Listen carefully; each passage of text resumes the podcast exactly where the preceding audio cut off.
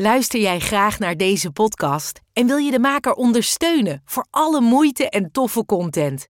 Geef dan, als je wat kan missen, een digitale fooi. Dat doe je via d.com zonder abonnement of het achterlaten van privégegevens. Dus d.com. Nou, toen is hij twee dagen later naar Spanje vertrokken en nooit meer teruggekomen. En hij is officieel als vermist opgegeven. Lieve mensen, welkom bij een nieuwe aflevering van de podcast van Verslaving naar Vrijheid. Mijn naam is René van Kolm en heel fijn dat je kijkt en luistert. Vandaag hebben we een hele mooie gast, want het is onze vriendin Mirjam, maar ze is niet alleen onze vriendin. Ze is een ex van iemand met een verslaving. Ze is de moeder van kinderen die een verslaafde vader hebben gehad. En ze is ook de zus van een broer met een verslaving. En nog een heel verhaal erachteraan. Daar gaan we alles over horen. Dus met verslaving heb je wel wat, zou je kunnen zeggen. Absoluut. Ja, helaas. Ja, helaas. Ja. ja, we beginnen gewoon bij het begin. Hè. Jouw man, jouw ex, die had een verslaving. De, de vader ook van een aantal, twee kinderen Ja. die je hebt. En ehm, hoe ben jij, zeg maar, hoe is dat voor jou geweest? Was er een moment in tijd dat jij merkte, hey, iets, hier klopt iets niet? Want je hebt natuurlijk mensen die wat gebruiken af en toe voor de gezelligheid. Maar iemand met een verslaving valt in een andere categorie. Dat is problematisch. Ja. Wanneer begon jij iets te merken? Eh, we kregen een relatie en ik had wel van mensen gehoord van ja joh, maar eh, hij gebruikt nogal veel. En, ehm, en ik, maar ik kwam hem tegen en ik dacht alleen maar, goh, wat een leuke man. Heel eh, attent, eh, eh, sociaal, heel lief. Ik werd heel erg verwend, weet je wel. Echt charmeur was het. En ik had op dat moment al een kind. Dus ik had helemaal zoiets van, wauw, iemand die voor een vrouw met een kind zo gaat. Nou, ik was echt... Je was om. ja, ik was om. En ehm, eh, ik weet dat wij in het begin van de relatie woonden hij in, eh, in Bergen en ik woonde in Alkmaar. En nou, ik was eigenlijk nog ni- niet zo lang gescheiden. En, eh, maar wel meteen heel erg verliefd. En, ehm, en toen kwam die op een gegeven moment langs. Nou, leuk. En nog een keer langs. En we gingen met, met eh, eh, mijn dochter gingen we naar het strand wandelen. Allemaal hartstikke leuke dingen. Dus ik voelde me echt eh, nou, gezien. En ik was nog best wel heel jong. Dus Hoe, was, hoe, hoe jong eh, is jong? eh, ik was op dat moment eh 23,5 ongeveer ja, zo. Dus echt heel jong. Ja. Ik was 22 dat ik moeder werd. En ehm, nou ja, weet je wel, ik had een klein kind en een man die daar helemaal voor viel. En met dat kind ook zo leuk. Echt. Hè, nou, ik was helemaal om. Klinkt fantastisch. Ja, en eh, toen wilde die met kerst langskomen. Dat was zeg maar ook rond die periode dat ik hem leerde kennen. En toen had ik een afspraak met een vriendin. En toen zei ik tegen hem, nou, doe maar niet. Doe maar, doe maar gewoon even niet. Want ik dacht, ja, ik moet niet meteen mijn vriendinnen... omdat ik verliefd ben, hotel de botel... mijn vriendinnen niet meer gaan zien. Ja.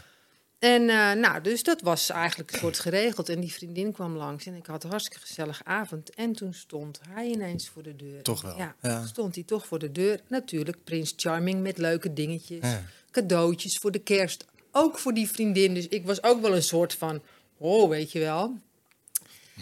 En toch ook heel raar. ehm, toen dacht ik van, nou, het lijkt wel alsof hij dronken is of iets. Ik, ik kon het niet zo goed Ja. kon het niet zo goed omschrijven, maar ik dacht wel van, nou, hij is niet- zoals hij anders is. En elke vezel in mijn lijf zei gewoon echt een soort van, nee, niet doen, niet doen. Dit is echt, dit is foute boel, foute boel. Maar ja, Ja, ja, ja, dit is zo herkenbaar. Ja, eh, en maar ik vond hem zo charmant. En ik dacht van, ja, je hoort dat gevoel, hup. Dus dat heb ik geparkeerd. En eh, ik ben die relatie met hem ingestapt. En ehm, dat ging eigenlijk in het begin best oké en gezellig en leuk. Totdat het steeds vaker was dat hij later thuis kwam Ja. of niet thuis kwam. En ehm, toen kwam ik er wel achter dat hij eigenlijk niet af en toe eens wat deed... Waar, waarvan ik dacht dat dat zo was. Een keer een drankje doen met vrienden. Maar toen kwam ik er toch wel achter dat dat eh, dagelijks... Hm. dagelijkse praktijken waren. En ehm, eh, ja, dat was niet te rijmen met een gezin. Nee. Nou ja, maar wat me dan weer opvalt, wat je zegt, hè, dat inpakken van dat hele charmeren en goed kunnen praten en een mooi voorkomen. Ik herken dat zelf ook wel. Ik kon dat ook wel, terwijl je. En dat zal ook een goede en een lieve kant zijn die je natuurlijk ook had. absoluut ook een hele Ja, goede natuurlijk. kant, Dat is ja. ook zo. Maar, maar toch. En wat me ook opvalt, wat je zegt, is van. Dat hoor ik bij, vaak bij mensen zeggen dat je ergens van binnen voelt. Nee, dit moet ik niet doen. En het toch wel doet. Dan ga je eigenlijk al over een grens van Ja. jezelf heen. Ja. Ja, absoluut. Totaal over alle grenzen. En ik, het, het was ook eigenlijk op het moment dat ik dat deed, voelde ik ook van. En nu wordt het een worsteling om hier dus ook weer uit te komen. Hè? Vanaf het begin af Vanaf het begin eigenlijk al had ik zoiets van, oh, maar ik zit erin. Voelde me ook zo van, ja, met dat kind, zij was zo, zij vond hem zo leuk. Ja. En het ging eigenlijk, weet je wel, met vrienden en iedereen vond hem ook heel leuk. En toen dacht ik van, ja, en als ik dan weer alleen, ja, Ja, het is, ook, het is toch logisch als zo'n man op je pad komt. Is leuk, hij is lief voor je kind. Wat wil je nog meer? Het is- het is- En ik had zoiets van, dat kind heeft het al een keer meegemaakt. hè, Zo'n hele verhaal met een vader die uit haar leven ging. En, eh, en, en, en zo blij met deze man. ja. Dus het was van alle kanten een soort van, ja, ik, ik moet hier gewoon voor gaan. En ik merkte ook wel, dat is eigenlijk later pas tot stand gekomen van waarom ik met deze man een relatie aanging. Nou, vertel, ik ben heel benieuwd. Ja, dat was Ja. toch ook wel de redder in mij. En Ja, ehm, eh, Jij dacht van, ik ga, ik ga hem- deze man redden. Met. Mijn, met mijn liefde voor hem ga ik hem redden. Ja, ja. Fout gedacht. Nou ja, dat is het, alles wat je nu toe in. De, we zijn een paar minuten bezig. Dit is zo herkenbaar voor heel veel mensen. Hè, van ik ga hem redden. eh, ik ga dat oplossen met mijn liefde. Ga ik zorgen dat zijn probleem overgaat. Wat heel goed en ook heel lief bedoeld is, maar waarschijnlijk niet gewerkt heeft. Nee, totaal Nee, niet. nee, nee. Dus je zei van, nou, op een gegeven moment merkte hij toch van, hij heeft echt een probleem. Hè? En, Ja. en eh, wanneer werd het, zeg maar, nou, problematisch? Of kreeg je er last van? Of merkte je gedragsverandering of dat soort dingen? Nou, het werd problematisch op een gegeven moment dat ehm, ja, er werden gewoon afspraken niet nagekomen, heel impulsief gedrag. We hadden een eigen bedrijf. Hm.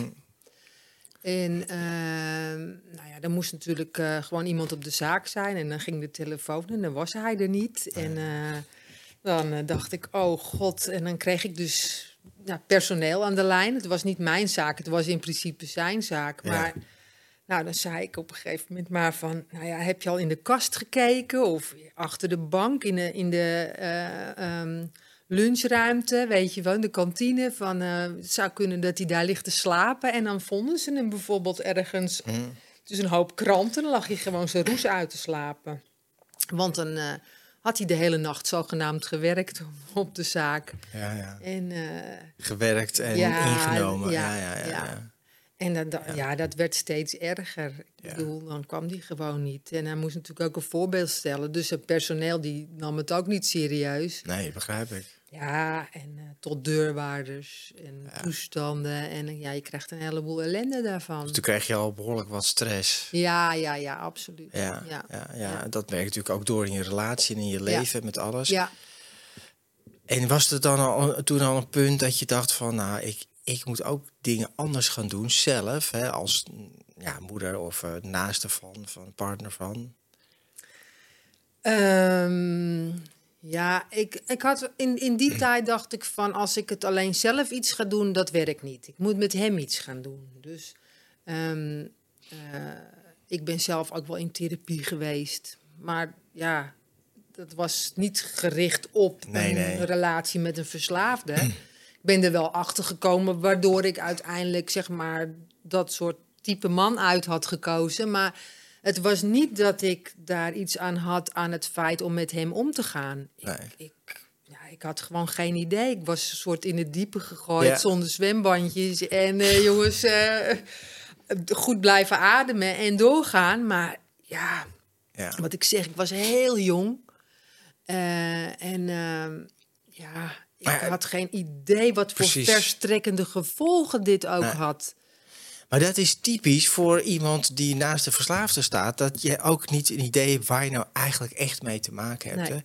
Dus hij, hij drinkt of hij gebruikt te veel of, of zij. Maar wat het precies inhoudt en wat de impact is op het leven en op jouw leven, dat, daar kom je eigenlijk pas achter als Ja. het gebeurt. Ja. Ja. En dat de gedragingen ook steeds heftiger worden. Hè. Het begint bijvoorbeeld met een keer te laat komen. Ja. En afspraken worden steeds moeilijker. En eh, ehm, hij zocht ook altijd een manier om weg te kunnen.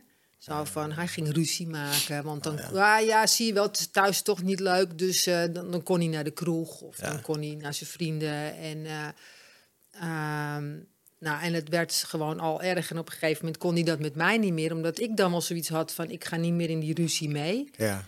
Maar dan ging hij het via mijn kind doen. Hm. Ja, dat waren toch wel dingen dat. eh, poef.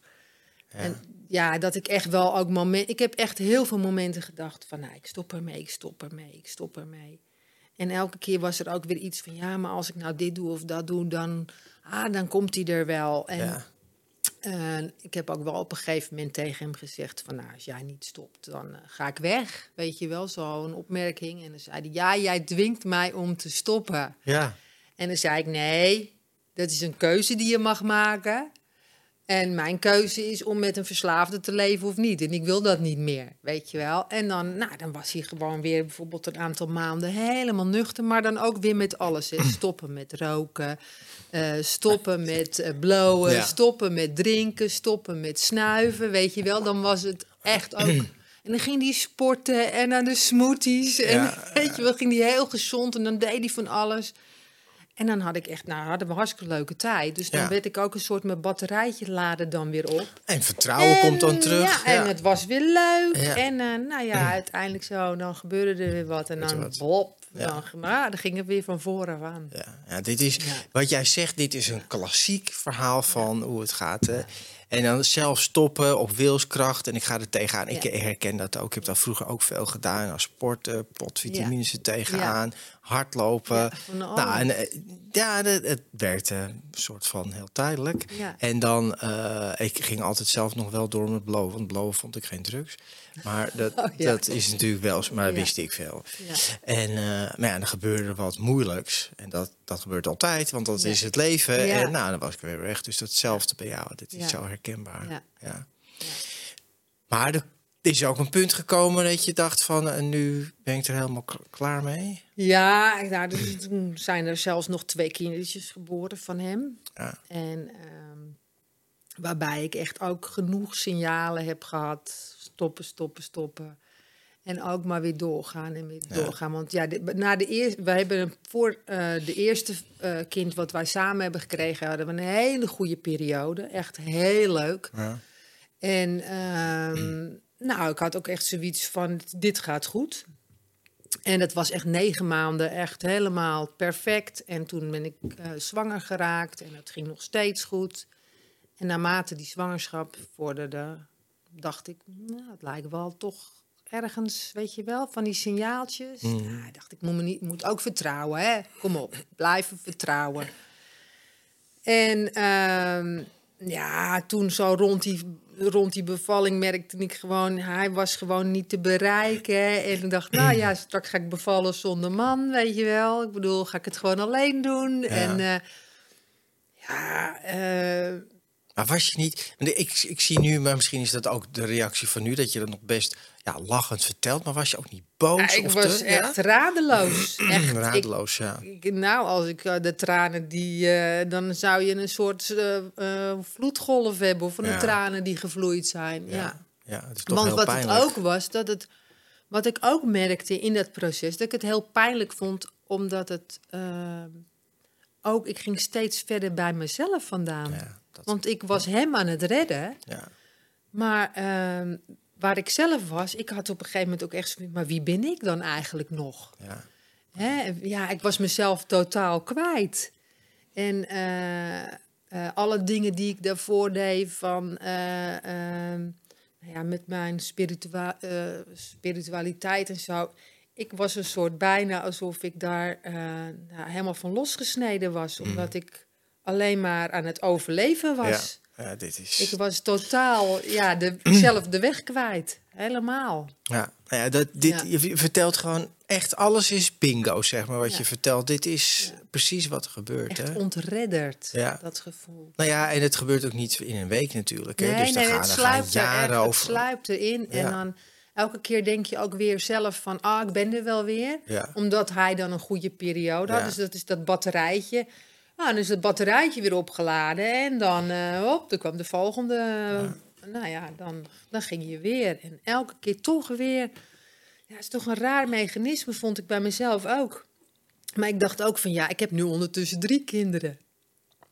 Ja. Weet je wel, eh, hoe ga ik dat doen? Ja. Straks alleen.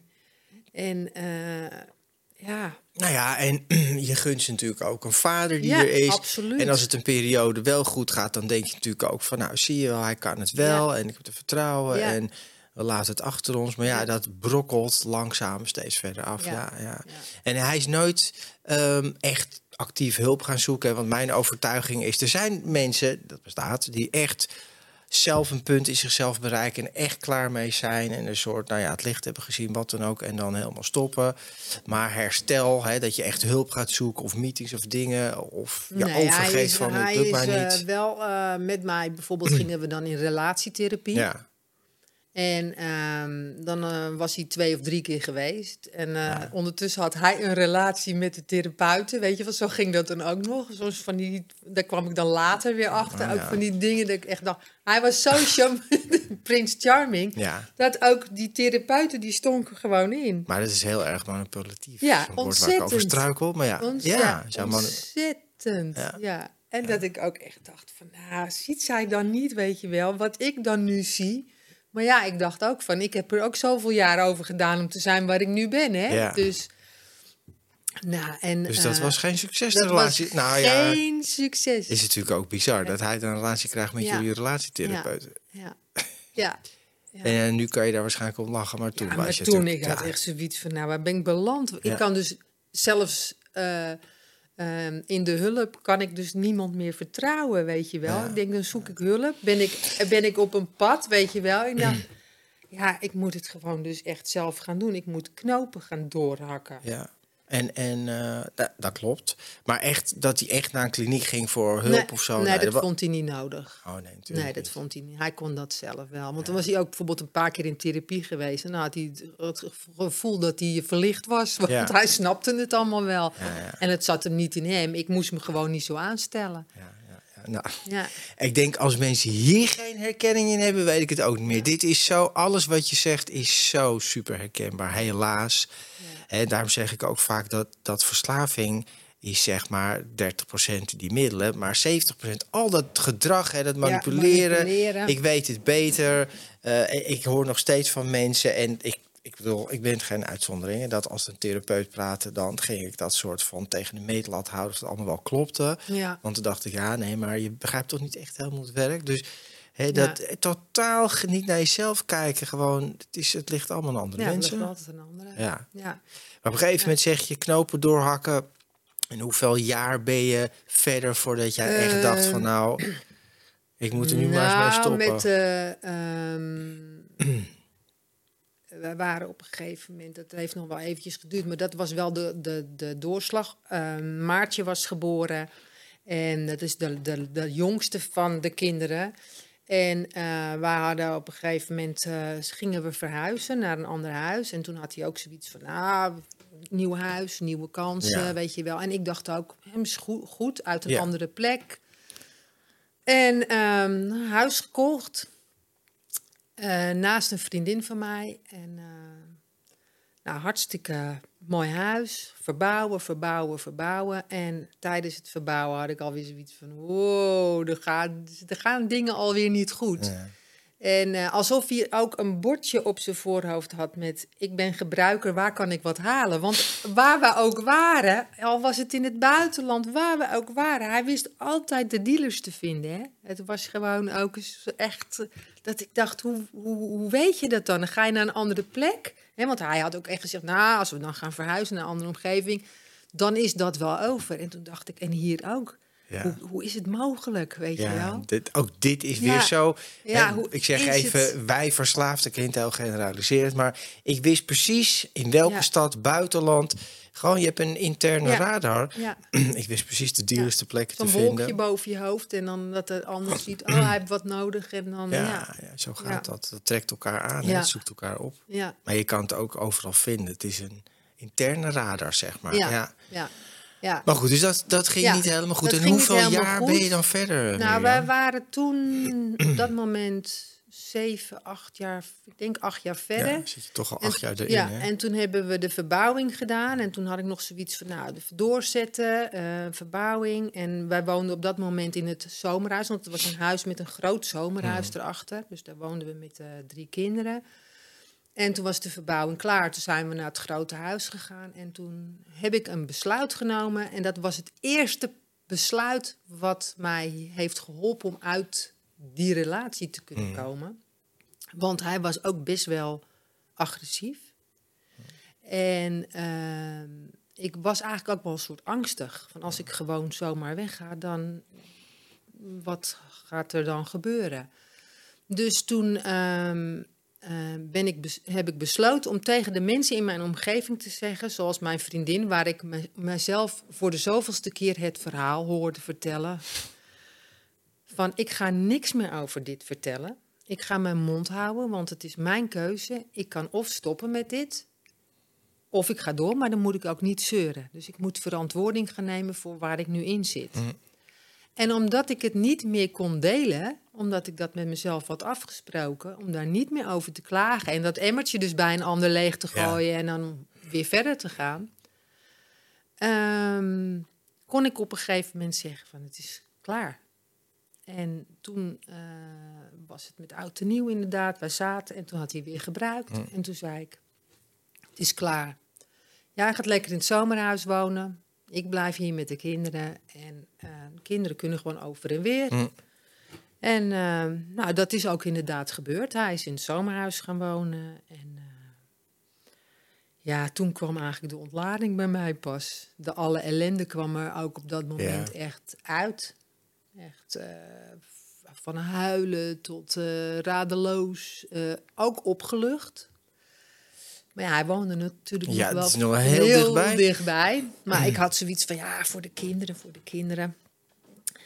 En ehm, ik weet dat hij op een gegeven moment had ik een nummer van eh, Marco Borsato aanstaan. Ik leef niet meer voor jou. En ik stond dat keihard mee te brullen.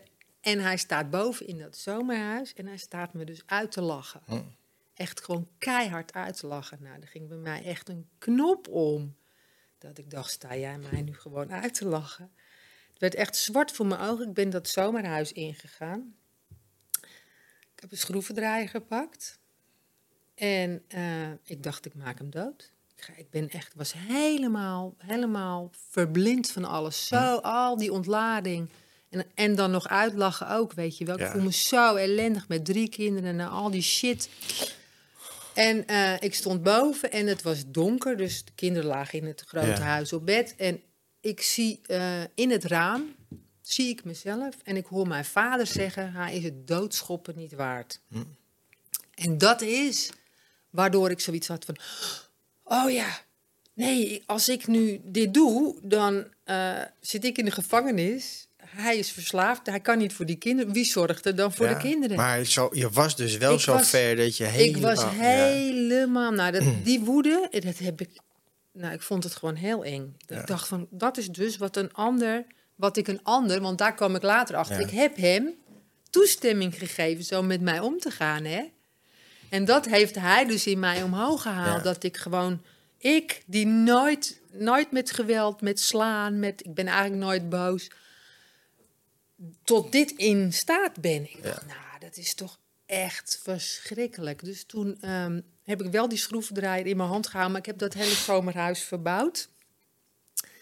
En eh, mensen die mij dat ha- verhaal nu horen vertellen, die denken, jij, weet je wel. Nee, dat kunnen ze echt niet voorstellen van mij. Maar ik was, en dat was een hele ontlading. En toen ben ik wel gewoon weggegaan. En toen had ik wel zoiets van, ik ga nu voor mezelf staan. Het is gewoon Ja. echt in alles gewoon klaar.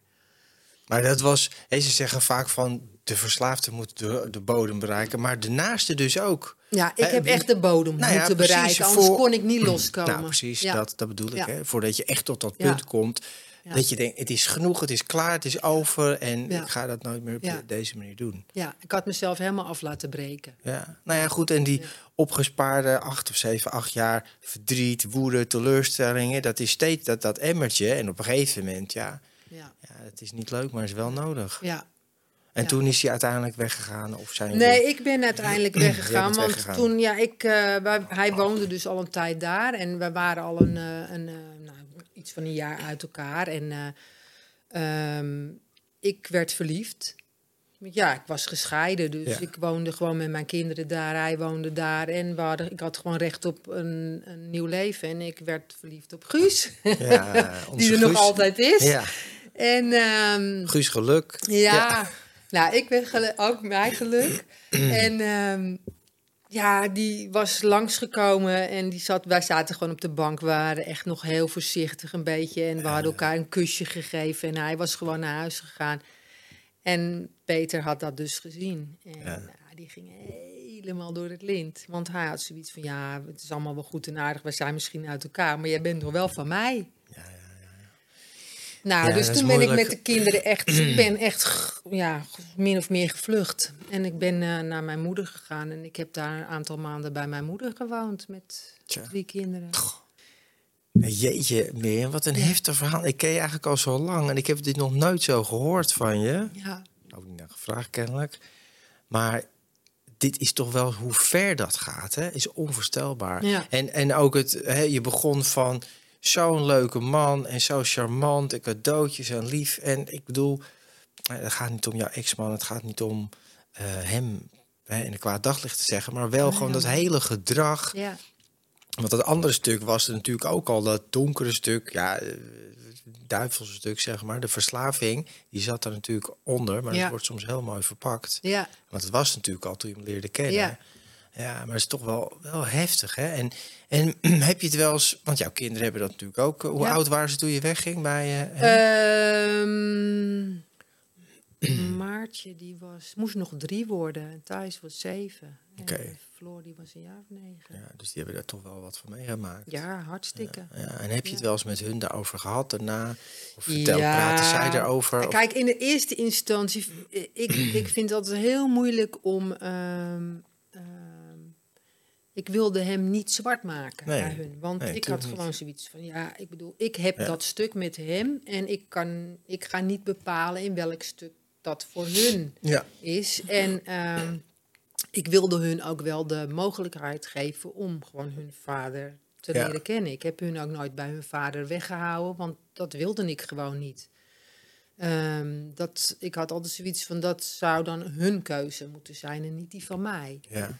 Eh, ik kan er alleen voor ze zijn. Ik kan ook niet zeggen van eh, nee, jullie moeten niet naar hem toe gaan. Of als ze daar geweest waren. Kijk, zij wisten natuurlijk op een gegeven moment ook wel wat daar aan de hand was. Ik bedoel, Maartje die kwam wel eens thuis.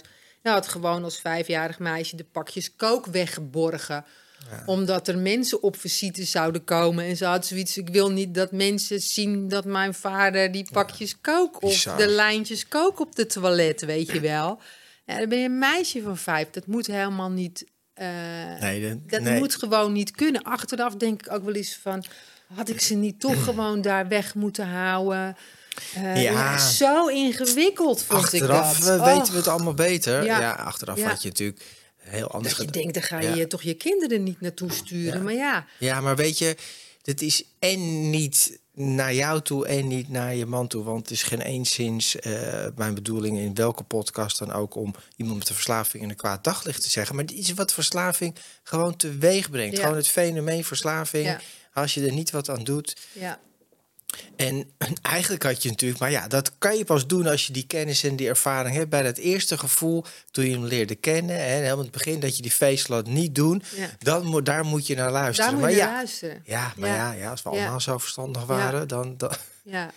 hè, ja, maar dan had je ook niet verslaafd geweest. nee, en Weet dan, je wel? Ik bedoel, ook een verslaafde had niet verslaafd geweest. En, want dan luister je naar die eerste signalen. Want je, we weten allemaal hoe en wat. Maar ja, je gaat daar stap daar toch overheen Ja. en, en Ja. weet je, het is En zo gaan dingen. Wat jij vertelt, heb ik al nog duizend keer eerder gehoord. Ja. Hè? Dus, En je komt er altijd te laat achter. Zowel de naaste als degene met de verslaving zelf. Kijk, en wat het bij mij ook was, en dat heb ik gewoon sowieso heel sterk.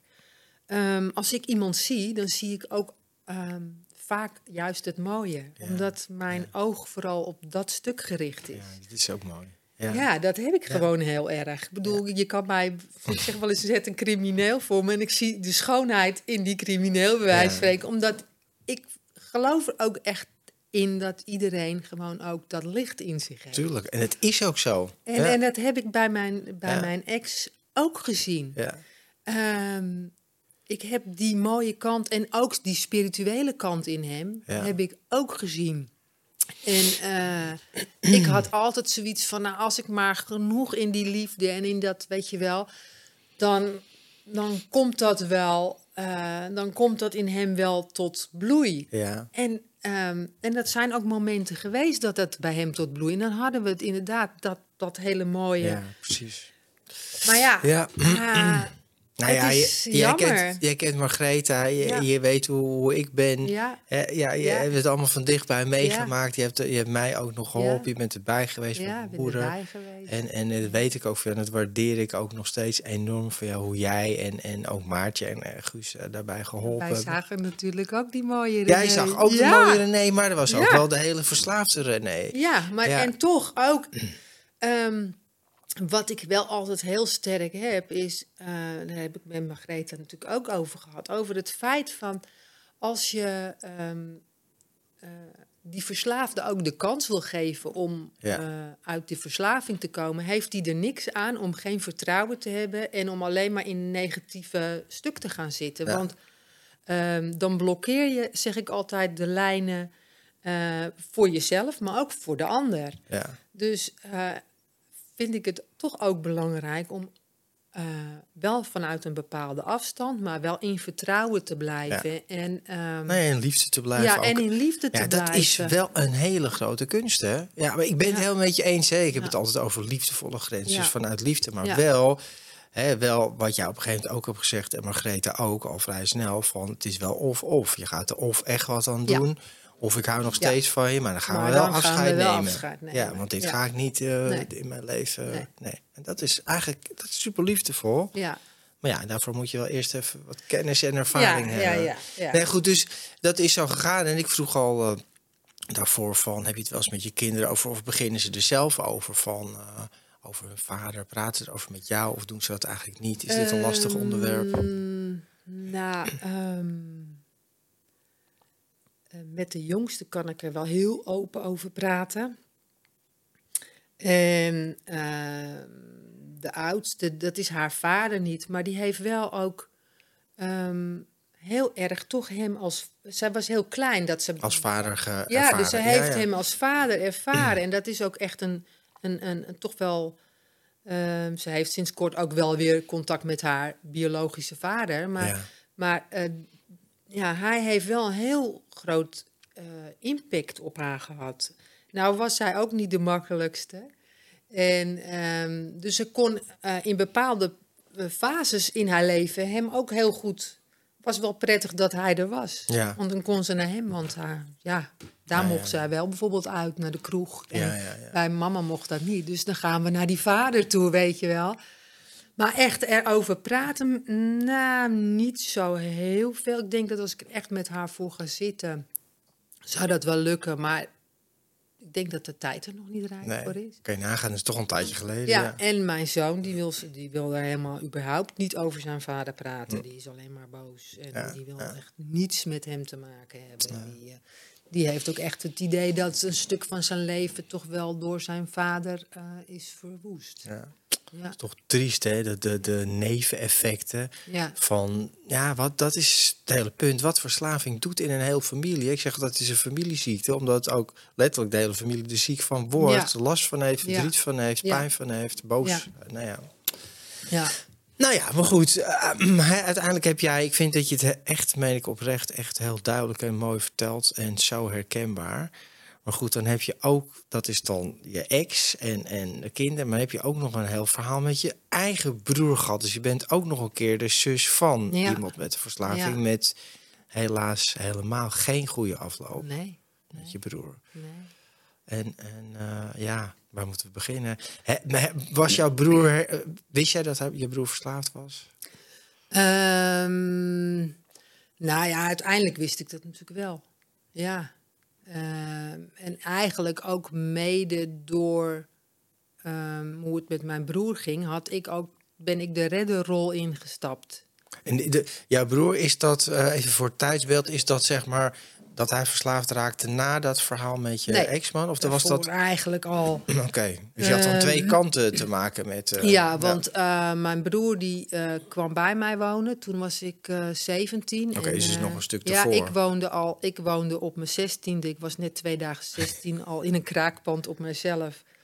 En ehm, nou, door, door situaties. En Ja. toen op een gegeven moment, nou, mijn broer die kwam op straat te staan en die was toen eh 15 Ja. en ik 17. En toen dacht ik, ja, mijn broer moet bij mij komen Ja, wonen. Dus mijn broer kwam bij mij wonen en eh, nou, ik heb, eh, een- ja, ik was eigenlijk een soort zijn moeder. Ja. Dat moment. Jeetje, want, dan ben je gewoon kinderen, echt ja, hè? 15 ja. en 17. en ehm, nou, toen, na een aantal jaren, toen wilde ik toch wel eens een keertje met het toenmalige vriendje waar ik mee was, ook wel eens vadertje en moedertje spelen zonder mijn broer erbij, weet je wel. Zo'n soort van op onszelf wonen. En toen konden we vanuit het kraakpand naar een gewoon degelijk flatje. Ja. Met alles erop en eraan. Het was ook wel eens een keertje lekker. En ehm, toen is mijn broer in dat kraakpand gebleven. En eigenlijk ging dat toen heel snel bergafwaarts met mijn broer. Ik begon met blowen, ehm, met drinken. En ehm, nou ja, dat ging eigenlijk af en toe kook. Ja. dat werd er allemaal in de lo- loop der tijden ook wel steeds, Steeds erger meer, en ja, ja. erger en erger en erger. Nee, goed, dan, maar dan was je zelf nog heel jong. En het is zelfs nog voordat jouw Ja, je hele verhaal met je en toen voelde ik me heel schuldig. Want ik dacht, dat komt natuurlijk Oh, omdat God, ik weg ben gegaan. Ja, En mijn broer als een soort, alsof ik hem als moeder in de steek had gelaten. Van, eh, hij was toen eh 17 en ik was 19. En ik dacht, ja, heb ik hem in de steek gelaten. En Ja, eh, daardoor is hij verslaafd geraakt. Dus die, dat stukje heeft mede daarna dat gevoel gehad van... ja, maar ik kom nu verslaafd tegen, die moet ik redden. ja. Ja, en Ja. dat is logisch, hè? Want dat is ook echt iets wat, wat heel vaak voorkomt. Dat je dat voelt als een verantwoordelijkheid. En in dit Ja. geval begrijp ik het ook. Je jongere Ja. broer, die wil je helpen. Ja. En het is allemaal heel goed bedoeld. Maar ja, maar dat, zo werkt het werkt niet. het dus niet. Nee. nee.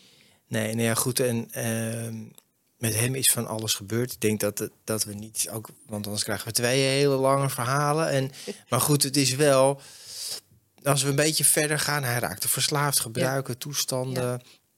Hij kwam er steeds verder in. Had je nog wel contact met hem? Of werd er contact Dat was eh, heel moeizaam, want hij, leefde, hij had eigenlijk twee werelden. Hij had de wereld met zijn vrienden, met het gebruiken. Ja. En hij had natuurlijk zijn familie. En hij, ondertussen had hij ook kinderen. En ehm, ja, dat was natuurlijk ook heel ingewikkeld. Kindertjes, ik ben, ik ben ook bij de geboorte van de kindertjes geweest. Hij was er niet bij, weet Ja. je wel, omdat hij aan het gebruiken was. Maar ik voelde me als eh, zus dat ik dacht van, nee, het moet een soort eh, de boel, weet je wel, ook een soort redden. Want ik kende dat eh, uiteindelijk, toen mijn broer kinderen kreeg, had ik dus zelf al in die relatie met Peter. Dus ik kende dat van, van mijzelf en dacht, oh god, mijn schoonzus met die kinderen. En dan wilde ik dat ook nog redden. Dus ik had er ook die kinderen nog bij. En ik kwam ze bij mij in huis om te bevallen. En dan zorgde ik in de kraamtijd voor hem. Want ik dacht, ja, dat laat ik toch niet zo gebeuren. Ik moet dan maar de verantwoordelijkheid nemen. Als hij Ja. het niet doet, doe ik het wel. Nou ja, en vanuit liefde is dat ook Ja. allemaal goed Ja. bedoeld. eh. Dus, eh, en eh, nou, dan hadden we wel weer contact en dan hadden we geen contact. Maar als het contact er was, was het eigenlijk voornamelijk een beetje stiekem. Want ehm, ik was de zweverige zus. ja. en eh, ehm, ja, dat was toch een soort beetje een dingetje, weet je wel. Dus alsof hij zich een soort schaamde voor, Voor jou. voor ja, ook dat andere leven. En ehm, ja, toen kreeg ik natuurlijk, ik ging met Guus ondertussen. Hè. Ja. Ik, had die hele, ik had de relatie al verbroken met de verslaafde en ik koos er ook niet meer voor. Dus als ik mijn, op het strand opging en ik kwam mijn broer bijvoorbeeld Ja. tegen met die vriendenclub.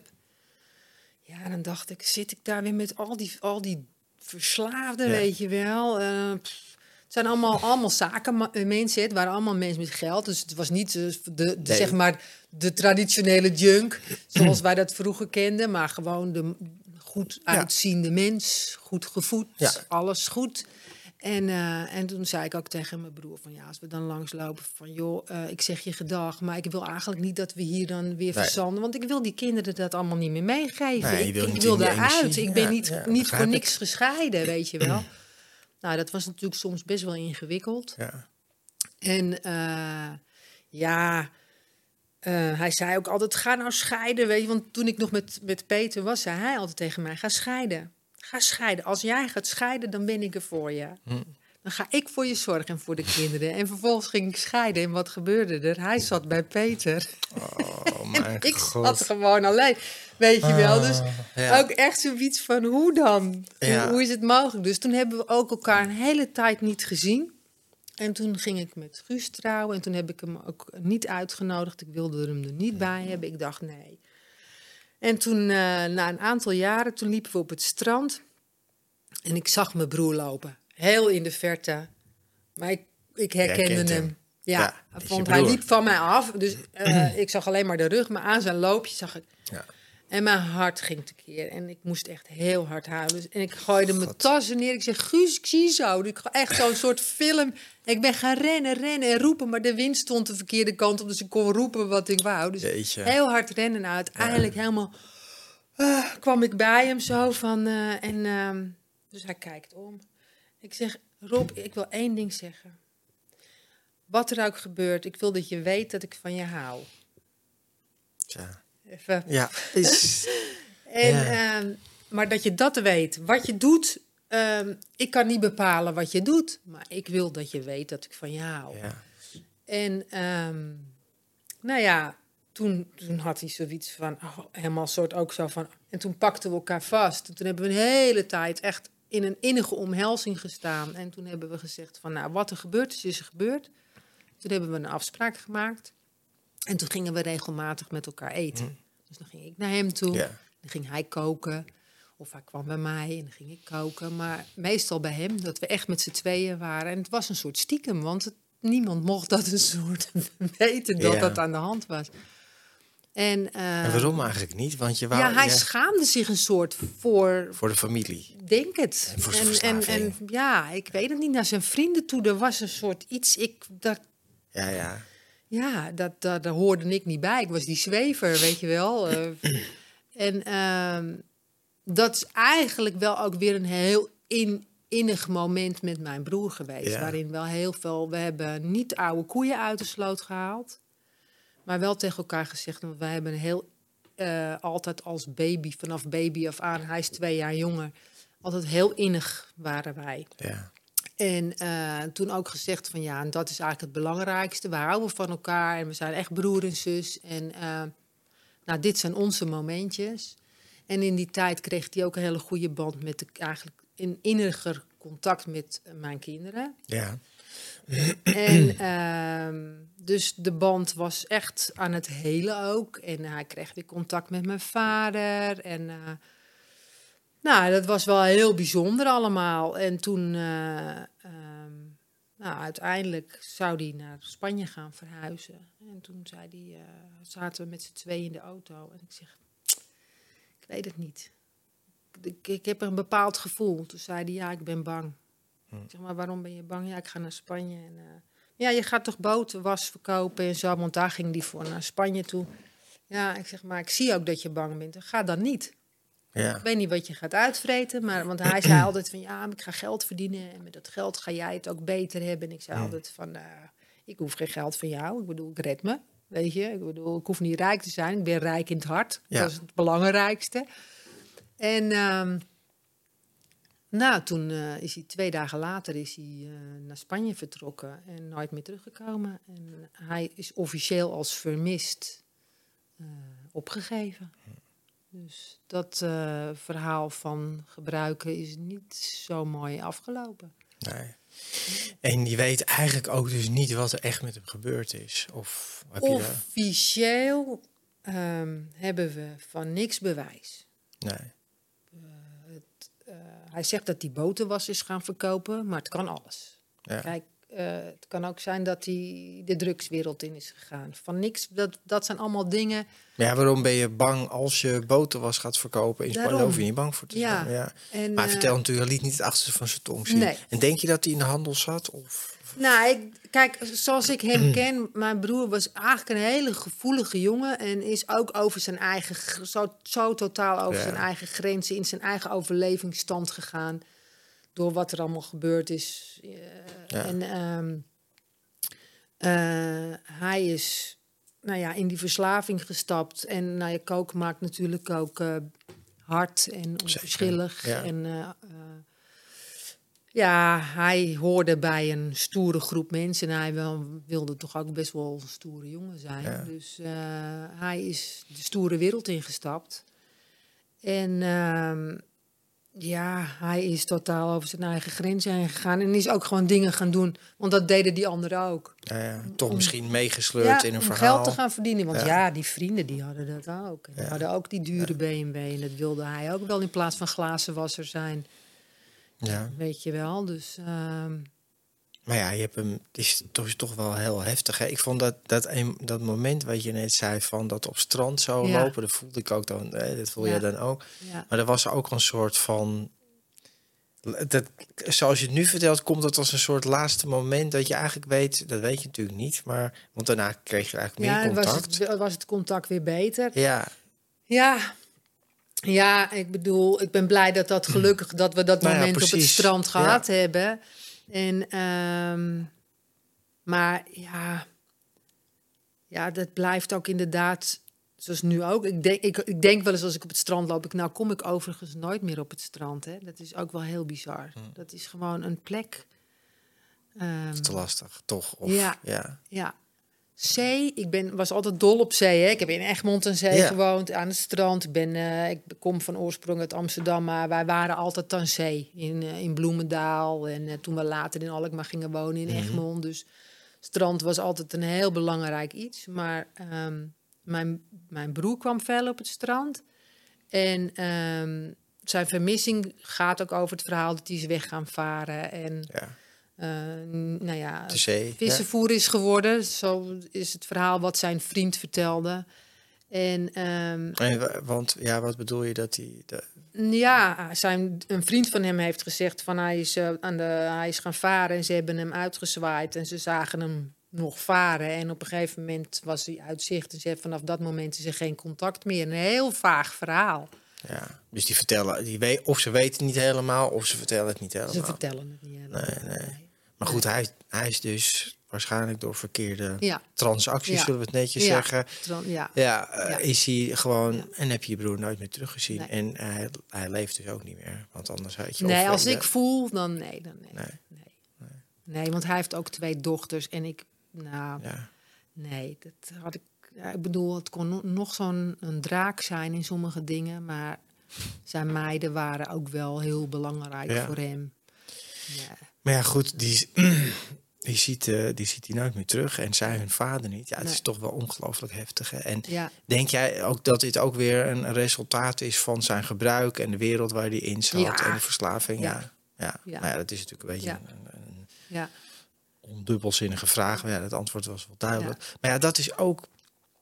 Dat is natuurlijk ook het ander- steeds over verslaving en gebruik. Maar het is ook de energie waar je mee verbindt en wat je er allemaal intrekt. Hè. Het Ja. is niet bepaald licht en liefde, om het zo maar te zeggen. Nee, en je hebt het zelf niet door. Het gaat steeds verder. En op een gegeven moment zit je natuurlijk in een ding. En dat gebeurt al heel snel als je natuurlijk geld wil verdienen daarmee. ja. Eh, je, wordt er met huid en haar in eh, ingetrokken. En dat loopt altijd verkeerd af. Ja, het ziet er natuurlijk vaak aan de buitenkant heel ook dat charmante, hè?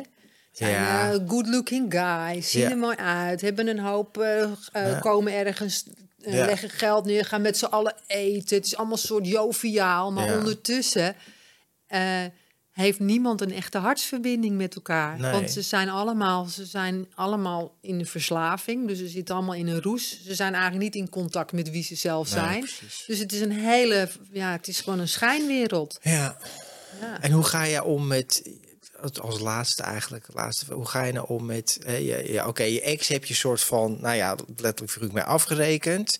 Maar je broer is gewoon weg, vermist en die zie je nooit meer terug. Hè? Waarschijnlijk ook toch door gebruik en verslaving. Hoe ga je daarmee om?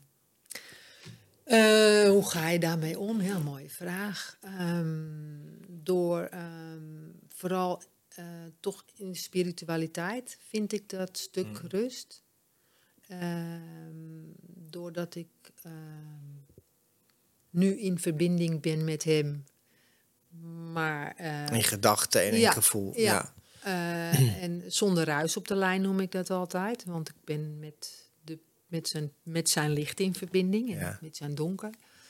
En um, door uh, mezelf, voor mezelf ook steeds te zeggen van ja, um, het leven, um, vier het leven en, en, en, eer het leven.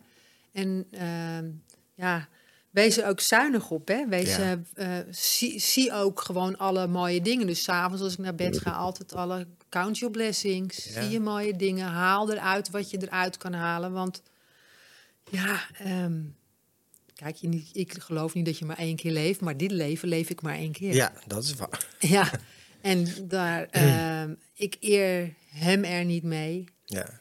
En mezelf niet. En mijn naaste niet. Uh, door um, me weg te laten zakken in dat verdriet en de pijn en daarin. Boosheid en dat Nee, want uh, dat heeft me toen niks gebracht. Hè, in, nee. in de tijd van... En um, Zeker nu niet meer. Nee. Nee. Dus, uh... Het vinden dat je dat heel mooi vertelt. En een hele mooie afronding eigenlijk van dit hele gesprek. Maar ook wel heel knap dat je dat kan. Hè? Want er zijn natuurlijk heel veel mensen die blijven toch in verdriet en boosheid. Wat ik ook echt begrijp als het je kind is. Hè? Ik, ik heb mensen gesproken die een kind hebben verloren aan ja. drugs of zo. Ja. ga er maar aan staan. Hoe ga je er in godsnaam mee om? Hè? Maar je broer of je vader of je moeder, het is allemaal verschrikkelijk. Ja. Maar ik vind het wel heel mooi hoe je dat zegt van het heeft me toen niks gebracht. Hoewel je absoluut moet rouwen en het verdriet en alle ellende moet eruit. Maar naarmate de jaren vorderen dat je eigenlijk in licht en liefdeverbinding kan blijven met hem. Ja. ja. En, Mirjam, ik wil je bedanken voor, voor dit gesprek. Ik, uh, ja, ik vind echt, je hebt het echt heel mooi verteld en zoveel herkenbaarheid. En uh, nou, voor iedereen die gekeken en geluisterd heeft, als je dit herkent, deel het ook met andere mensen. Stuur het naar andere mensen waarvan jij denkt dat het zinvol is dat ze hier naar luisteren. Misschien heb je zelf een herkenning en hoor ik graag je reactie op commentaar onder YouTube of op Spotify. En ik wil jullie danken voor het luisteren en kijken naar deze aflevering. En ik hoop je graag weer te zien in de volgende aflevering. En let op, er komt een heel nieuw seizoen. Mirjam is natuurlijk ook naaste van, maar met alleen maar de naaste van. Dat gaat heten Eerste Hulp bij Verslaving voor Naasten. Ik hoop je daar te zien. Dankjewel en tot de volgende keer. Luister je graag naar deze podcast? Laat de maker weten dat je waardeert wat hij of zij doet en geef een digitale fooi. Dat kan zonder abonnement, snel en simpel via fooiepot.com. Fooiepot met een d.com